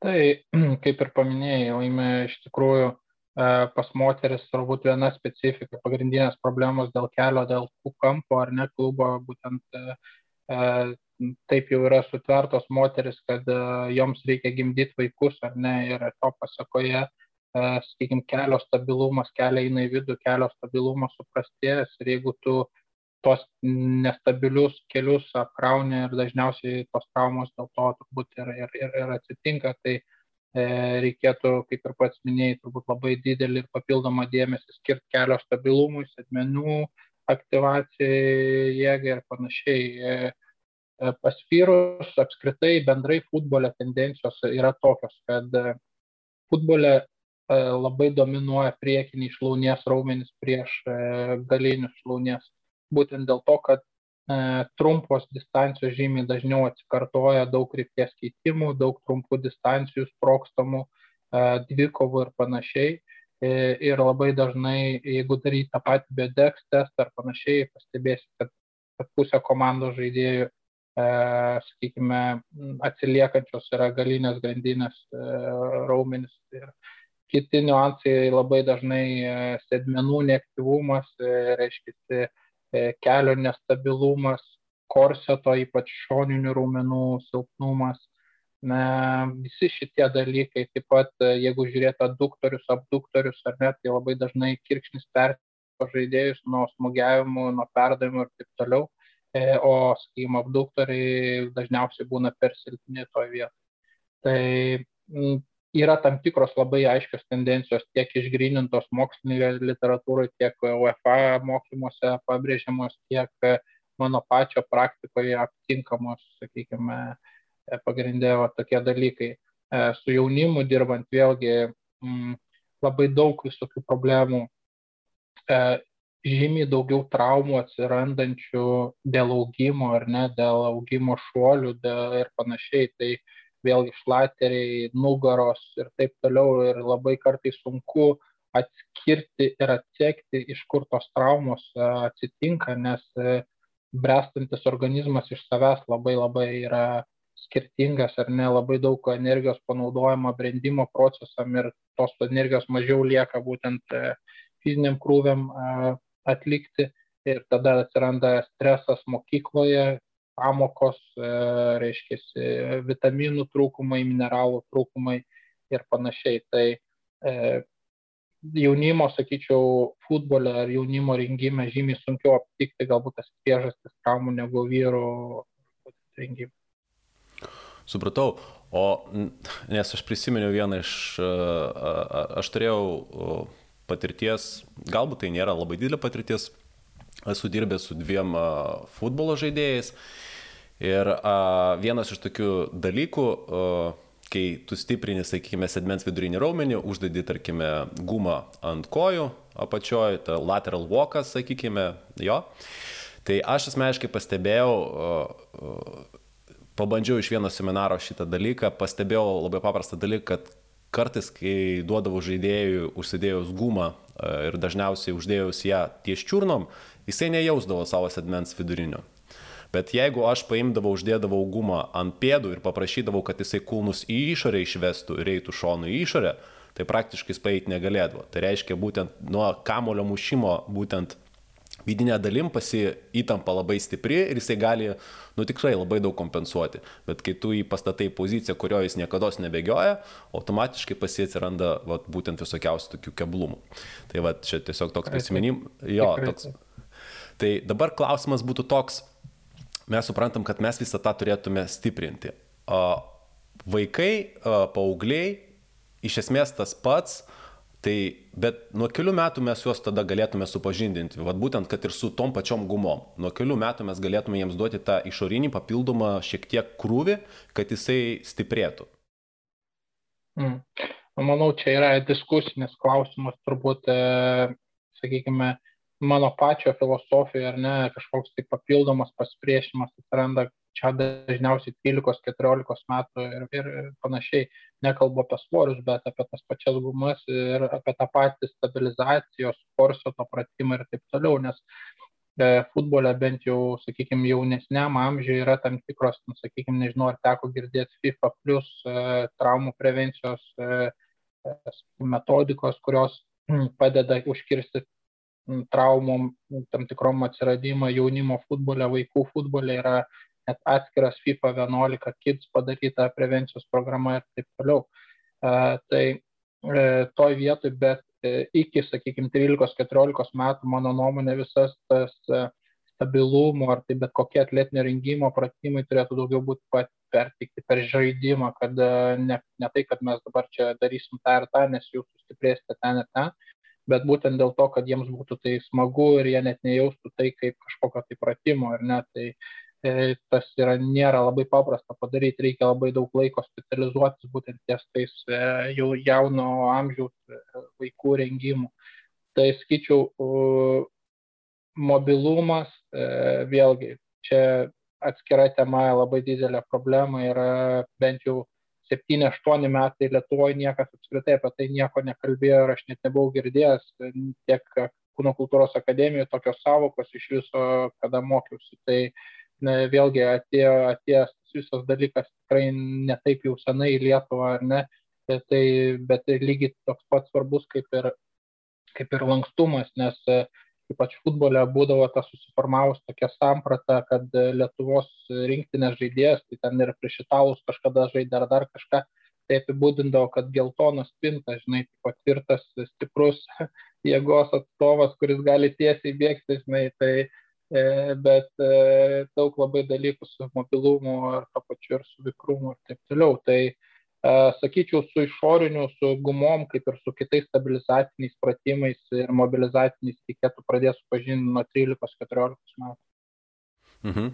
O dabar mes vat, kaip tik palėtėm tą temą, kurią aš noriu paklausti, kas, kodėl yra svarbus mobilumas ir lankstumas futbole, nes dauguma galvoja, nu, o kas čia yra, aš tiesiog bėgu ir bėgu, tai aš laukia lygiai taip pat kamuolį spardau, kam man čia reikalingas, tarkim, klubo mobilumas, čiurnų mobilumas, kam, kam to reikia. Taip, apskritai čia yra, kaip ir bet kokios sporto šakoje, raidė A, ar ne, mobilumas ir lankstumas. Jeigu tu neturėsi teisingo E, amplitudės per judesius, per sanarius ir per raumenis, tai faktiškai tu negalėsi atlikti teisingų judesių, ko pasiekoja atsiras dar didesni disbalansai. Tai e, reiškia lankstumas e, ir mobilumas yra raidė A, nuo ko reiktų pradėti, jeigu tik tai aš nesakykim, galiu įvykdyti mobilumo, lankstumo tam tikrus testus, tik tai tada aš pradedu žaidėjui duoti kažkokius tai stabilumo pratimus, kaip sekant, lygiai kaip sekančius pratimus, iki tol, kol yra trumpėjimai. Pagrindė akcentas ties raumenų, reiškia, lankstumo ir sanarių mobilumo. Tai, tai šitoje vietoje, kaip sakiau, labai labai svarbu, lygiai taip pat kaip ir stabilumas, lygiai taip pat mobilumas ir lankstumas. Ir labai daug problemų atsiranda ties lankstumo ir mobilumo klausimais brendimo periode E, nežinau kaip kitose sporto šakose, bet futbole tai labai daug. Manau, kad ir kitose sporto šakose, todėl kad e, organizmas auga ar ne, tysta į viršų, kaulai auga, raišiai, reiškia, raumenis nuo krūvių, uh, jie trumpėja ir tada tempia raiščius, sausgyslės ir taip toliau ir ko pasiekoja atsiranda tam tikros traumos, jeigu raumo nėra papildomai ištemtas ir nėra lankstumo per juos. Tai labai panašiai per mobilumą, ar ne, jeigu tu darysi kažkokius jėgos pratimus, arba šiaip vaikinai ypač e, bręsta, ar ne, tie raumenys apauga, ar ne, ir jie tokie sustingę darosi per sanarius, tai būtent netliekant mobilumo pratimų, tu būsi sukaustytas ir negalėsi atlikti teisingai funkcionalių judesių. E, futbole dar, atsiprašau, dar šiek tiek, futbole tai ypač E, čiurnos ir klubo sąnario mobilumas e, šitie klausimai, nes labai daug da, vyksta techninių veiksmų iš šitų sąnarių būtent. Tai, sakykime, tiek tas pėdos laisvumas priemant kamolį, tiek pėdos pastatymas, perdavime, trumpam, ilgam išsukimas prie tam tikrų technikos veiksmų, klubo sanariai lygiai taip pat kamolio prieimimas, nekalbu apie bėgimą, smūgiavimas, laisvumas pavietoj, tai esminiai dalykai. Jo, dėl, dėl to pačio mobilumo dar norėčiau pa, tokį kaip ir pridėti iš savęs labai daug trenerių, tiek atletinio, tiek fizinio, labai nuvertina pėdos nikščio mobilumą, nes tai iš esmės tai va, vienas iš pagrindinių pirmųjų taškų, kuris išsitėse. Ir jeigu, tarkime, sakykime, nikštis nėra mobilus, tai yra įrodyta ir daryti tyrimai, kad greitis yra nu, 20 procentų yra mažesnis, šnekant apie sprintą. O dabar kitas klausimas. Ar pas tavę gyvenime yra buvę taip, kad tu matei žaidėją hipermobilų, tarkime, per kelius? Daro spyrį ir tu matai, kad pasikoja tokia biški, nu, per daug išsitėse. Kas, šnekant apie hipermobilumą, kad jeigu jisai nekontroliuoja savo mobilumo, jisai yra prie rizikos traumai. Ar yra tekę matyti tokių žaidėjų? E, futbole galbūt daugiau pasitaiko su moterim dirbant, su vyrais labai labai retas. Tiesą sakant, ne, neteko kažko tokio aptikti hipermobilumo dirbant su vyrais. Tai to vietoj, to vietoj tikrai nėra futbole tendenciškumo ar kažkokios tai problemos. Tai negalėčiau atsakyti kažką tokio šitą temą. O dabar klausimas toks, mes užlėtėm juosmenį, korą. Kodėl koras yra svarbus? Ta prasme, kad žmonės suprastų. Ir būtent svarbus futbolė, nes futbolė, futbolas iš esmės irgi yra kontaktinis žaidimas. Vėlgi, vienas kitas stumia, vienas kitam užlenda. E, tai kodėl koras reikalingas? Tai koras visų pirma, kaip ir minėjai, dvi kovos, ar ne, e, bet e, galbūt reikėtų pradėti nuo to, kad koras apskritai tai yra kūno masės centras, ar ne, kartu su segmens raumenim ir klubo sritim. Tai e, tik tai turint stabilų kūno masės centrą, tu gali kažkur toliau judėti link kojų stiprinimo ar viršutinės kūno dalies stiprinimo. Be stabilaus korseto faktiškai, nu, toks, žinai, med, kaip gaunas, kaip medis linguojamas Jo. ir jisai, Mhm. žinai, e, tai toje vietoje e, labai labai svarbu stabilumas, aš ir pats visada pabrėžiu, kad e, es, iš esmės yra, turi būti labai e, stiprus korsetas ir, e, kaip pats minėjai, futbole dalyvauja tiek dvikovose, tiek ta pačiam sprinto judesi ar bet kokiam kitokiam smūgiavimo judesi ir taip toliau turi būti e, stiprus korsetas, pilo presas, šoniniai, nugaros raumenys, nugaros apačia, sėdmenis aktyvus ir taip toliau. O dabar žiūrėk, e, mes šnekame apie tą likusį 10 žaidėjų bėgiojančių. Dabar klausimas vartininkas. Vartininkas labai daug priema stiprių smūgių rankomis. Ar pas vartininkus būna pečių traumų? Tai yra dažniausiai viena iš traumų. E, Nepasakyčiau, kad viena iš traumų, bet e, apskritai, jeigu kalbėt apie vartininkus, tai daugiau tendencija yra, kad ne dėl stiprumo stokos, bet dėl pečių mobilumo stokos, nes, e, kaip ir minėjau, stiprinant ir darant tam tikrus e, specifinius stiprinimo pratimus, mažėja mobilumas adekvačiai, ar ne?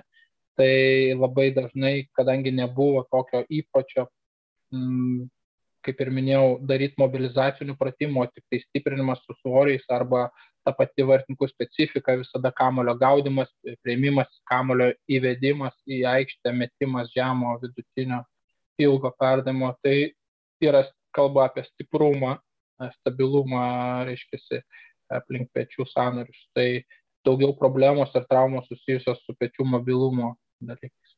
Mhm. Supratau. A, tai šnekant apie patį futbolą, dauguma žmonių uh, galvoja, kad uh, bent jau kas yra susipažinę su periodizacija, periodizacija yra toksai principas maždaug uh, pradžioje įvedama, tada stiprinama, tada gale ir tu jau turi, kaip ir sakant, sezoną. Ir tai labai dažnai suskirstyta labai tokiais įdomiais laiko tarpais. 3 mėnesiai, 3 mėnesiai, 3 mėnesiai, kad tu pasiektum piką. Čia, sakykime, linijinis, visiškai bazinis modelis. Tai dabar aš noriu tavęs paklausti, kiek iš tikrųjų užtrunka uh, futbolininkų sezonas? Kiek jie per 12 mėnesių iš tikrųjų turi laisvo laiko, tą visišką off-seasoną? Tai šiek tiek gal skiriasi Europoje ir Lietuvoje. Lietuvoje, sakyčiau, jeigu kalbam apie profesionalų futbolą, futbolą, tai yra apie du mėnesiai off-seasono visiško ir tada prisizonas 6-8 savaitės, įprastai kartais šiek tiek ir ilgiau. Europoje įprastų nepandeminių laikotarpių polisis yra na, apie 4-5 savaitės ir tada 6 savaičių prisizonas. Dažniausiai tokie taip išdėliojama viskas.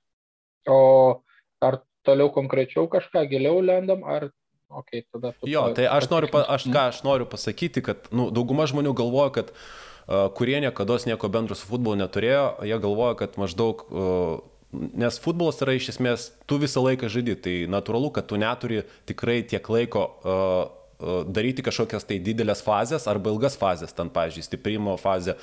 Uh, praktiškai aš kaip sakau, kad iš esmės uh, čia minio dozavimo visą laiką palaikymo fazė yra mini, mini dozėmis, būtent vidutinis krūvio palaikymas vos, nes, nes iš esmės gaunasi, kaip ir tu minėjai, Europoje vos ne 11 mėnesių jie tenai žaidžia, Lietuvoje, sakykime, 10 mėnesių žaidžia ir tai yra nuolatinis krūvis. Tai kaip iš tikrųjų reikia treniruoti, kokią reikia metodiką pasirinkti, kad jisai ir būtų ir stiprus, jisai būtų ir vikrus, jisai ir būtų ir greitas ir jisai lygiai taip pat duotų tokį patį išaiškos rezultatą varžybose, kad jisai atsistatytų. Tai vat, man labai įdomu iš tikrųjų, kokia yra periodizacija, kaip tas atrodo off-seasonas, pre-seasonas. Vat. Tai e, galbūt e, šiek tiek prie, pereinant prie, vyr, e, prie vyrų futbolo, galbūt šiek tiek dar paminėsiu, kad jaunimo futbole šiek tiek visai kitaip dėliojami krūviai ir periodizacijos?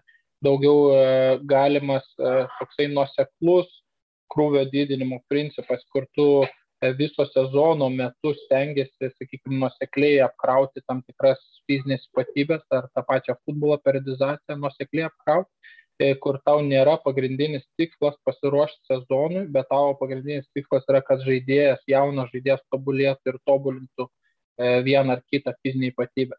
Ir tada pereinant prie vyrų futbolo ar ne, prie to standartinio modelio, tai kaip ir minėjau, reiškia, prasideda viskas nuo to, kad žaidėjas po 3-4 savaičių polisio gauna individualų planą, sakykime, nu, ne tiek individualų, galbūt, sakyčiau, individualų kūno rengybos planą, bet e, to pačiu aerobinės bazės planą, kur 2-3 savaitės trunka namų darbai e, ir turi žaidėjas 3-4 kartus per savaitę atlikti namų darbus, būtent gerinant tiek tos pačius traumų prevencijos principus, tiek jėgos kažkokius tai principus, tiek būtent aerobinės ištvermės principus ir kai kuriais atvejais, sakykime, sprintus arba įvadinius sprintus, kad ateitų į paruošiamą jau su tam tikra bazė. Tada yra testavimai, dažniausiai, ar ne, pirmoji savaitė ir tada tu išsidėlioji grupės, pagal kurias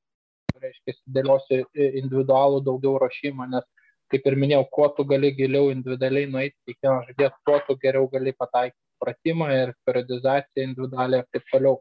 Bet dažniausiai precizinė tas vyksta grupėmis, kada tu turi ten 3, 4, 5 grupės, kurie yra vieno aerobinio parengtumo, kito aerobinio parengtumo e, ir taip toliau ir tą patį tu pasidarai pagal, sakykime, pagal jėgos ar ne, vėlgi jėgos grupės, kurie gali su svoriais, kurie gali be svorių, kurie gali jau su didesniais svoriais ir taip toliau.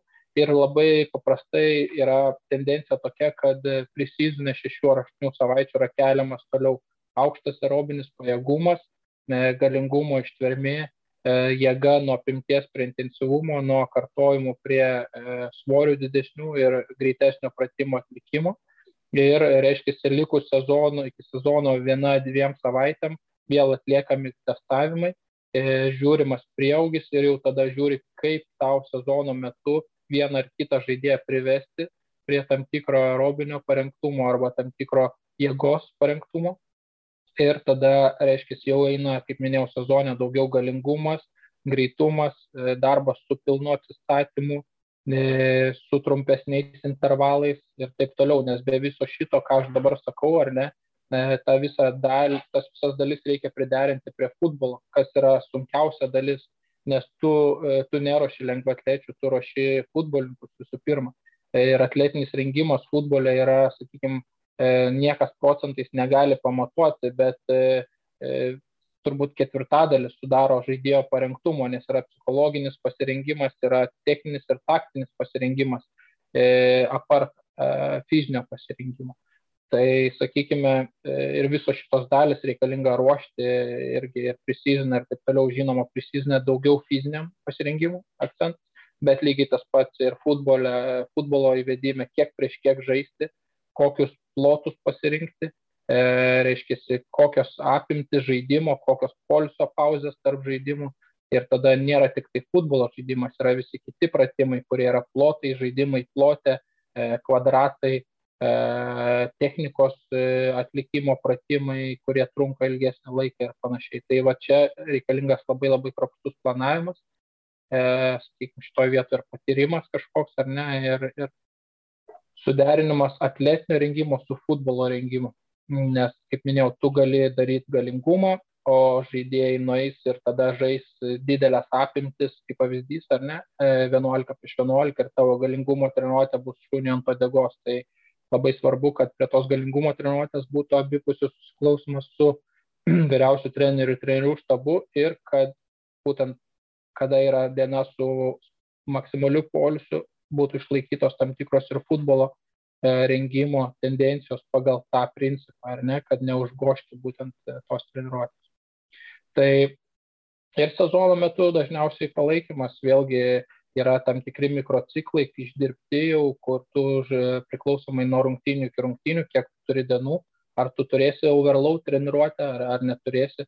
Man iš esmės, sakykime, e, paruošiamasis periodas nuo E, paprasto mikrociklo varžybinio skiriasi tom, kad paruošiamajame yra dvi overload treniruotės per sezoną, per savaitę plus e, rungtynės. E, reiškia, sezono metu tu gali įterpti tik tai vieną overload treniruotę ir rungtynės, nes tau reikia daugiau atsistatyti. O prieš sezono metu tu treniruoji organizmą, kad jisai galėtų greičiau atsistatinėti. Tai būtent to susiję. Tai ir yra esminiai skirtumai. Ir tada yra ilgalaikė periodizacija, ką futbolo treneris nori taktiškai, techniškai išmokyti žaidėjus, ar ne. ir tai turi būti suderinta su to, ką tu nori iš atletinio rengimo pusės padaryti. O dabar klausimas, Mariau, o, o sakyk, kaip, pavyzdžiui, visiems žmonėms, uh, tarkim, žaidėjai, jie yra žmonės, nu, jie nėra mašinos. Kaip, kaip tu bandai pakelti per treniruotės motivaciją, kad jie uh, visgi stiprėtų? Ar yra pas tavę kažkokių tokių būdų? Kaip tu motivuoji? Ai... Uh, Taip, tai iš esmės e, aš pats e, dirbu tokiu principu, kad per paruošiamai mes praeiname daugumą bazę ar ne, tą pačią jėgos bazę ties tam tikrais pratimais. Aš pats renkuosi bilateralinius pratimus futbole, ne, iš tikrųjų, ne, gal tas žodis net nekenčiu dviejų kojų pratimų futbole, nes e, nieko futbole nedaroma dviem kojom. Ir jeigu pasižiūrėti test, testavimų tarp kojų, yra didžiuliai disbalansai tarp kairės dešinės ir tarp ir lygiai tas pats, sakykime, tiek jėgos testuose, tiek galingumo testuose vienos kojos disbalansai. Tai jeigu aš toliau darysiu pratimus dviem kojom, kas atsitiks, tai atsitiks tai, kad mano stiprioji koja stiprės, o silpnoji koja silpnės, nes būtent žmogaus centrinė nervų sistema taip sukurta, kad pasirinkti judesi paprasčiau ar net atlikti. Tai toj vietoj tik tai pas mane faktiškai tik tai pratimai vieną, vieną koją vyruoja. Jeigu gali žaidėjas daryti skuotą su 100 kg, tai aš geriau duosiu skuotą su 40 ar 50 kg, bet vieną koją. Ir tai lygiai tas pats bet kokiam kitam pratimui. Tai visą šitą bazę mes pereinam per pre-seasoną ir tada einam individualius planus, kur e, reiškia E, kiekvienas žaidėjas turi savo individualią programą, ką jis turi kiekvieną dieną atėjęs e, prieš treniruotę padaryti džymę. Ir e, dažniausiai bent viena yra jėgos treniruotė įterpiama savaitį būtent individualiai.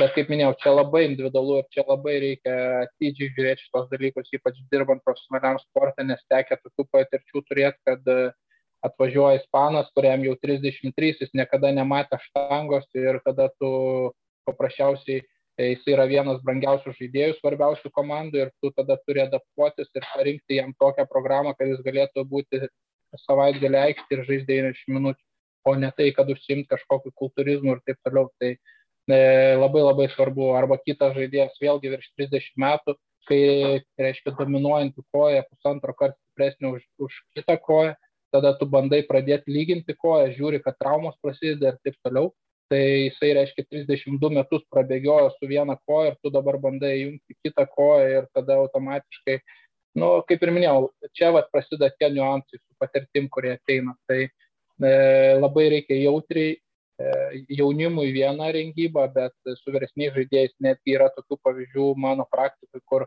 sakykime, atvažiavo žaidėjas, kuris e, dirbo, dirba septynis metus su savo individualiu asmeniniu treneriu reiškia nuotoliniu būdu.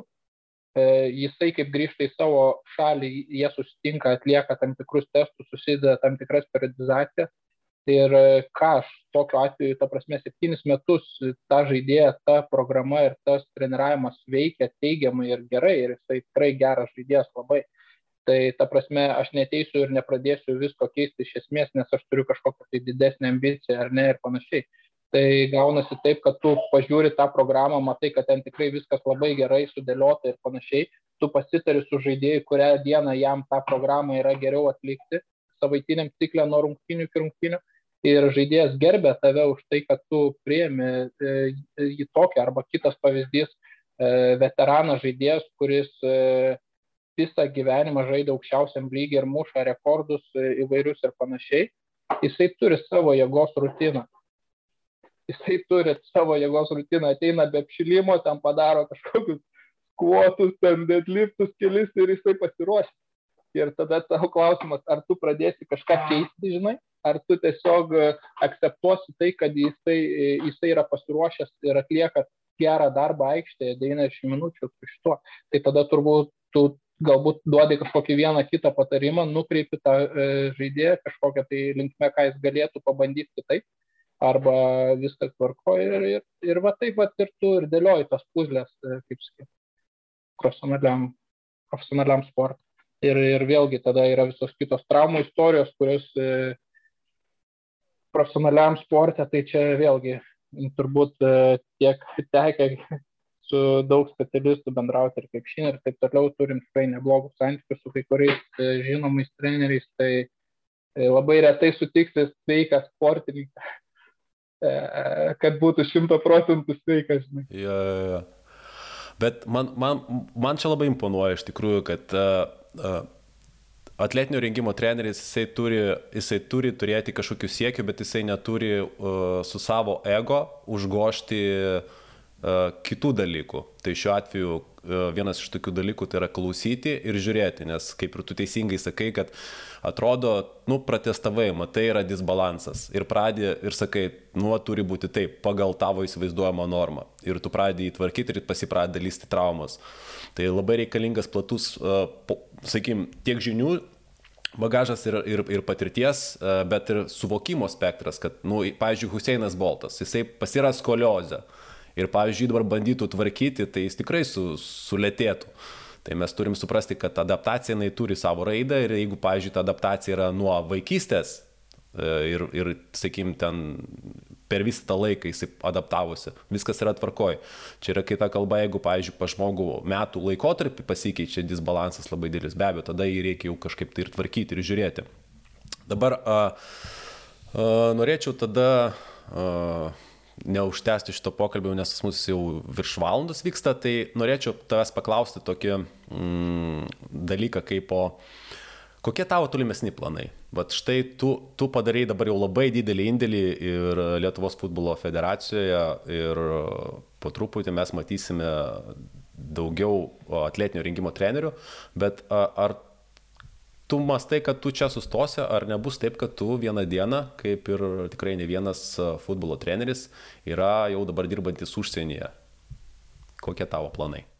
Na, žinai, čia taip būnais sportė labai labai sunku, žinai, numatyti, nes visokių yra, kaip sakyti, kiekvieną tarp sezonį faktiškai nusulaukia po 2-3 skambučių su kažkokiais tai pasiūlymais ar, ar dar taip toliau bet tu tada vėl viską sveri ir žiūri, nes yra tas asmeninis gyvenimas, yra tam tikros, sakykime, karjeros e, galimybės ir norai, ar ne.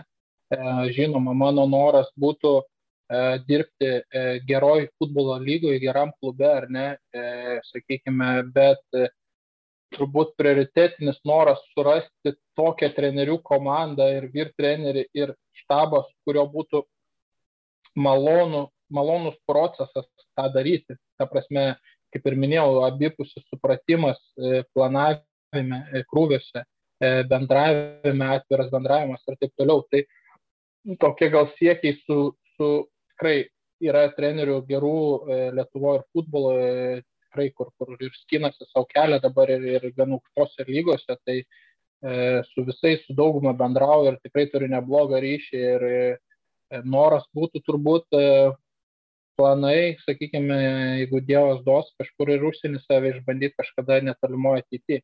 Bet tai vėlgi tas užsienis gali būti kelių rušių, kaip sakant, arba gera lyga, gera šalis, arba kažkokia prastesnė, sakykime, gyvenimui šalis, bet kažkokie pinigai ar dar kažką. Tai, e, tai, tai vėlgi čia yra, sakykime, tiek tavo kaip trenerio, tiek tavo šeimos sprendimai bendri. Tai norai yra tokie ir galbūt kažkada ateityje, jeigu matysiu, kad ta, kaip skaita tema ir atletinio rengimo ir panašiai, e, mano kažkoks entuzijazmas, jeigu pradės blėsti, nors nenoriu tikėti, kad tai bus, tai e, turiu svajonių ir norų pats ir išbandyti save kaip e, futbolo treneris, kaip vyriausias treneris ir taip toliau, ir turiu ir licenciją UEFA antrą pagal, pagal stiprumą, sakykime, toje vietoje, tai e, tikrai turiu visokių minčių, planų, bet e, čia nuo labai daug dalykų priklauso minčių, planų ir svajonių, o dėl to, kad kažką pavyko padaryti, dar labai anksti sakyti, žinai, nes e, čia tik tai dar pati pradžia yra ir, ir kaip sakyti, dar mes tik tai pradžiai dabar tik tai bandom susivienodinti metodiką, testavimus, tą dalyką nuleisti ant visos Lietuvos, atlikti rinktinėse, kelti kartelę žaidėjų parengtumo, duoti tiem žaidėjim iššūkius ir panašiai, tuo pačiu ruošti ir atletinio rengimo trenerius, nes šiai dienai, kai paskambina man vienas ar kitas klubas, tas pats A lygos, aš, nu, e, vienetus tik galiu žmonių pasiūlyti jiems ir, ir tai, sakykime, kai kuriais atvejais su avansu ar ne, nes e, kad jie būtų jau pilnai pasiruošę lygoj dirbti ir, ir, ir, ir tai, tai, tai irgi nėra taip, ne visada tai būna. Tai vad noras, kad e, klubas galėtų rinktis iš kelių atletinio rengimo trenerių, tada ta, tas galimybė rinktis motivuotų atletinio rengimo trenerius, e, kelti kartelę savo e, žinių, patirties ir, ir visa kita. E, Tai va, noras, noras ir svajonės tokios - dirbti futbole, dirbti užsienį, dirbti geroj lygai, geroj komandai, su geru trenerių štabu. O dabar toksai asmeninis klausimas tau. E, prieš tris metus e, su savo kolega tu išgelbėjai gyvybę. Vienam žmogui. Ir tai buvo, jeigu aš neklystu, futbolo veteranas, kuriam sustojo širdis, taip? Taip, buvo, buvo tokia istorija, taip buvo tokia istorija. Tai kai taip atsitiko, tarptų visų žmonių, tu su savo kolega nepasimetėt, įsijungė loginis mąstymas ir jūs viską labai greitai bandėte atlikti, kad išgelbėt žmogaus gyvybę. Ar visas šitas tavo sprendimas ir nebijojimas prisimti atsakomybės tau padėjo būtent padaryti tai, ką tu dabar padarai Lietuvos futbolo federacijoje? Ar čia yra būtent, būtent tavo ryštas? Ar jis tau padeda gyvenime? Kaip sakyti, e, laimi šitoj situacijai yra labai sunku atsakyti, nes e, tu toj situacijoje esi kitoj būsenai, e, kitoj emociniai būsenai, žinai.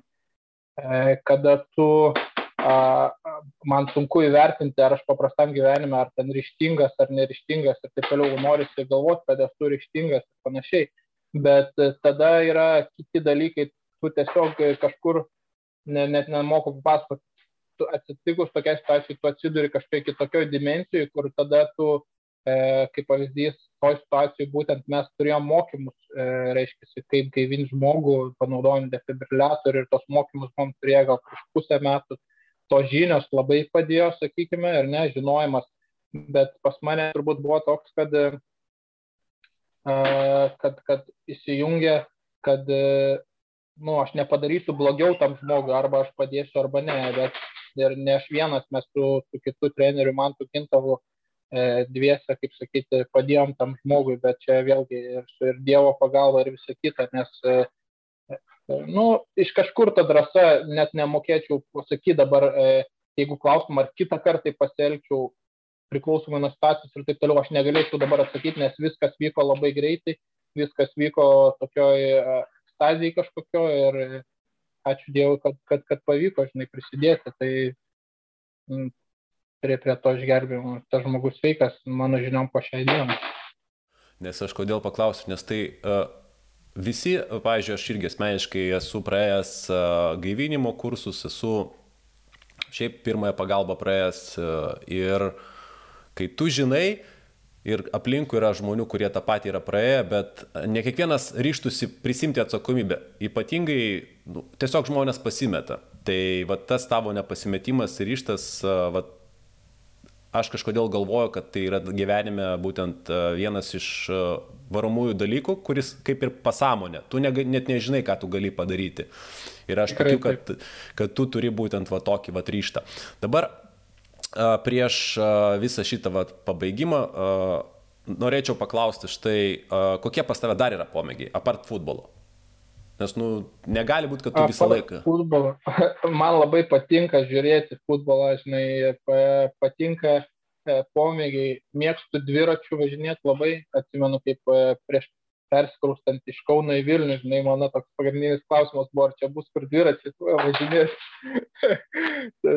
Supratau, kad, kad neteisingas klausimas, žinai, kad šią dieną tikrai turim neblogas sąlygas Vilniui važinėti su dviračiais.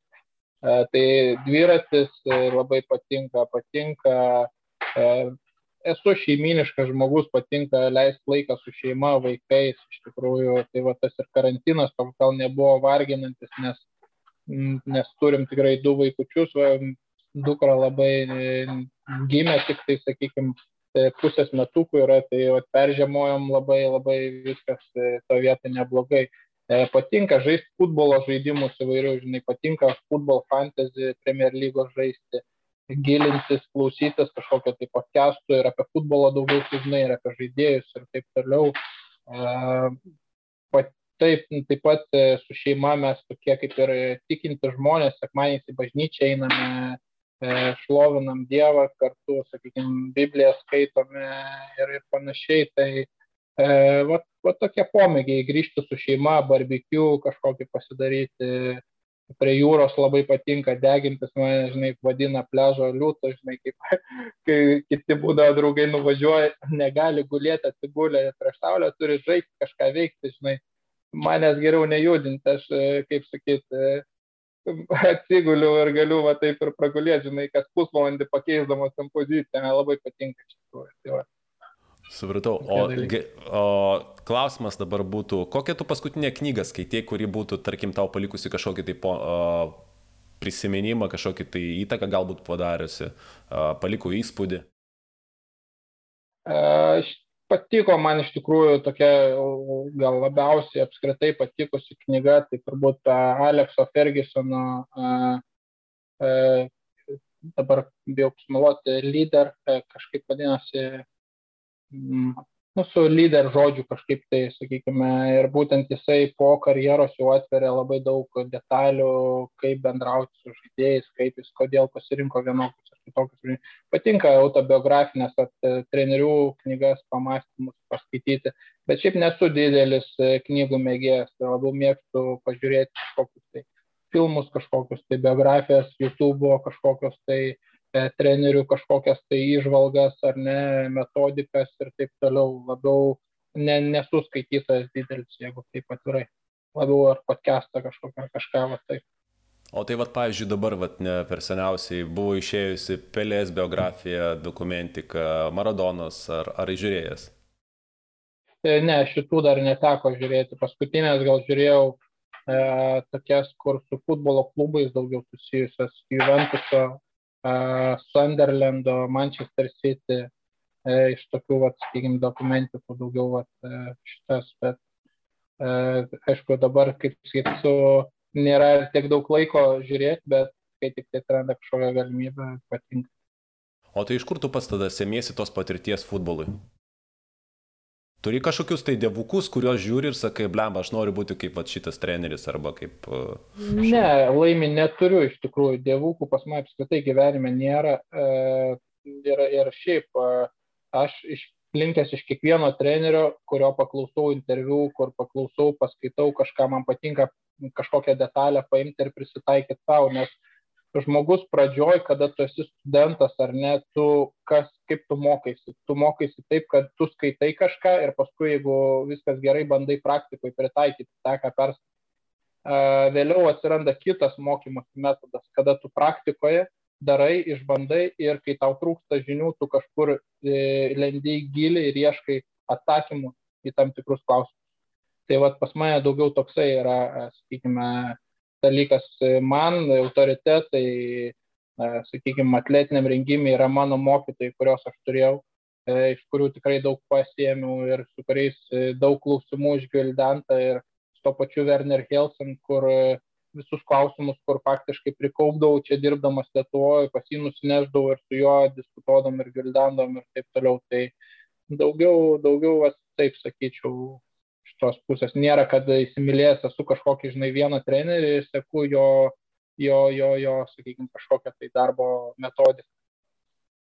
Ir nėra, matai, aš pats linkęs taip mąstyti, kad nėra rengime vienos krypties ir vienos teisybės, nes jeigu būtų visas pasaulis taip darytų, yra tam tikros tendencijos ar ne kūno rengybui, yra tam tikros tendencijos periodizacijai, periodizacijose tiek ištvermės, tiek galingumo, tiek jėgos ir taip toliau, kurios tu esi išdirbęs, kurių tu laikaisi. Tai šiai dienai aš tikrai e, turiu širdį tokį, kaip sakyti, suvokimą ir ramybę, kad tą, ką aš darau, aš tom tikiu. Ir e, tas metodikas, kurias aš išbandęs ir man veikiančios, aš jas ir toliau taikau, tas, kas man neveikia, aš atsisakiau. Ir taip pat dadedu vieną kitą detalę, kur, kur, kur e, sakykime, išgirstu, kas tinka, man patiko tokiam seminarė, e, kaip sakyt, mūsų kiekvieno žinios yra spinta, ar ne, rūbų spinta. Ir e, reiškia, kiek, kiekvieną kartą tu klausydamas kažkokio webinaro, seminaro, ar patinka webinaro visų klausytas iš e, atletinio rengimo trenerių, kiekvieną kartą tu gaudamas iš išorės kažkokias žinias, tu galbūt paimi kažkokį tai rūbą ir įdedi į savo spintą, žinai, ar tai kažkokią tai šaliką, ar tai kepurę, tu paimi ir tą spintą, kurio jau yra daug rūbų, tu įdedi, žinai.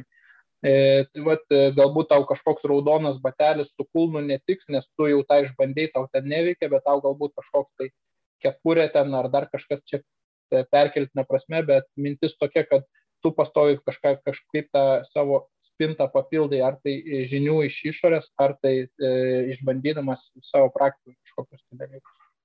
Super. Ir paskutinis, ką tu norėtum parekomenduoti pradedantiesiems ir norintiems tapti atletinio rengimo treneriams futbole? Parekomenduoti, gal e, iš, turėjau omeny iš daugiau iš kažkokios medžiagos, skaitimui ar taip toliau, ar, ar bendrai. Ką, ką jie turėtų daryti, kaip jie turėtų siekti, ar jie turėtų daugiau mokytis, ar jie turėtų išvažiuoti į užsienio klubą, bandyti kažkokią praktiką atlikti tiesiog nemokamai. Vat ką tu parekomenduotum? E, aš galvoju, kad turi būti tam tikras žinių ir kompetencijų bagažas, ar ne, nu, pradedant nuo žinių, apsiskaitimo kažkokio, kaip ir minėjau, mes visi, kaip pradėjom savo srity darbą, pradžioje viskas nuo žinių, nuo teorijos. Tos teorijos tikrai man labai įdomios ir visokios amžinatis Aleksas Stanislavaitis perteikęs ir, ir nuo jo viskas, kaip skaitė, prasidėjo ir jis toks kaip Lietuvoje to atletinio rengimo tėvas tosios, e, sakykime, drąsiai galiu sakyti, sporto šakos. Tai e, va tas žinias, kurias gavai pritaikyti, e, turėti erdvę, kur gali pritaikyti. Bet noriu palinkėti, kad turėtumėt erdvę, kaip ir jaunam žaidėjui futbole reikia žaisti, nes jeigu sėdės ant soliuko ir jisai nežais, e, o tik tai stebės ir visą laiką treniruosis, tai netobulės. Taip lygiai taip pat jaunam atletinio rengimo treneriui reikia turėti erdvę, kur jisai savo e, paskaitytas, įgautas žinias galėtų išbandyti praktikoje. Nes e, man neužtenka, pavyzdžiui, išgirsti kažkokio tai trenerio komentarą ar pasiūlymą ir aš imu ir darau, man neužtenka šito aš perleidžiu per savo prizmę ir tada, e, jeigu man tai tinka, aš išbandau. Ir jeigu matau, kad tai tinka, tai patenka į mano spintą. Tai, tai vad lygiai tas pats, kad turėtumėt erdvę, kur išbandyti ir, ir, ir dirbti, kuo daugiau, kad jums leistų reikštis, nes klysite ir visi klysta ir, ir mes visi klystam ir aš klystu ir darysite klaidų ir, ir jų neišvengsit, bet kad turėtumėte, kaip sakyti, kur, kur tobulėti O jeigu žiūrėti iš taip, sakykime, futbolo tos pačios prizmės, kad suprastumėte futbolą kaip sporto šaką, labai rekomenduoju Raimondo Verheino e, periodizaciją futbolo ir, ir visą kitą medžiagą ir padalyvauti kursuose, kur e, man daug sujungia klausimų tarp atletinio rengimo ir futbolo.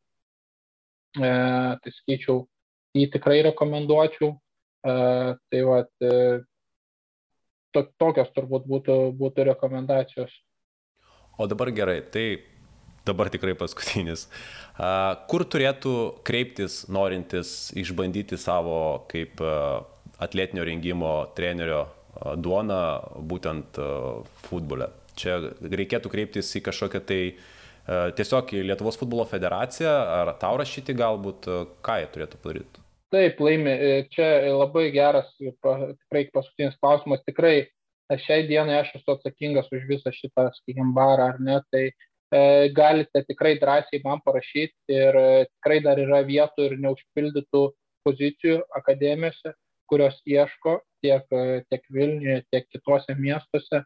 Jeigu jūs tikrai domina išbandyti save futbole, jūs turite kažkokios tai patirties žinių, noro, arba galbūt esate studentas, kuris nori dirbti, išmokti ir gebantis dirbti sistemui, tai tikrai dabar yra tas laikas, kai, kai ir ta terpė, kur, kur sakykime, galima leisti šaknis, bandyti daryti, taip toliau, aišku, vėlgi reikia pasisverti visus niuansus, visus lūkesčius, nes ne, tiek finansinius, tiek, e, tiek, tiek visus kitus, nes E, mes pačioj pradžioj patys labai tikrai už nedidelius pinigus e, ėjau ir dirbau ir norėjau mokytis, tik tai džiaugiausi gaudamas praktiką, tai nesitikėt kažkokių tai galbūt lūkesčių, nes dabar pas, pas iš tikrųjų jaunus žmonės yra tas noras normalu, kad uždirbti galbūt pinigų, tai e, sakyčiau, sporto šakos, e, komandinės sporto šakos šiai dienai Lietuvoje nėra ta vieta, kur, būt, kur galbūt jūs uh, užsidirbsite šiai dienai kažkokius tai didelius pinigus, bet tai gali būti priedas, gali būti geras patirties ir žinių bagažas, kur galite savį išbandyti. Tai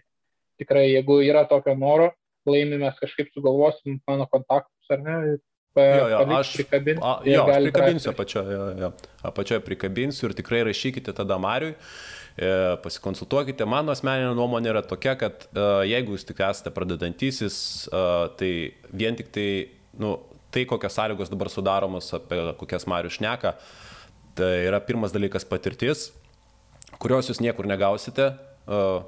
O šiuo atveju jūs galite ją gauti nemokamai. Užsienį, kiek aš žinau, tokia patirtis yra nu, neįkainoma ir žmonės tiesiog dirba, atlikinėja praktiką nemokamai, prašosi nemokamai, kad tik tai tokios patirties gautų, nes jie žiūri į priekį. Tai todėl jei, svarbiausia, kad jūs turėtumėt noro ir jūs tikrai gausite labai nemažai žinių ir tikrai nemažai bagažo ir tikrai prisidėsite prie Lietuvos futbolo. Tai Mario, ačiū tau už tą diskusiją ir už tavo laiką. Ir tada... Ačiū tau, laimė. Ačiū visiems ir tada iki greito. Tai toks buvo mūsų šiandieninis podcastas. Tikiuosi, jis jums patiko. Dėkui, kad klausotės ir motivuojate kurti toliau. Tai šiandien tiek ir susiklausysime kitame podcast'e.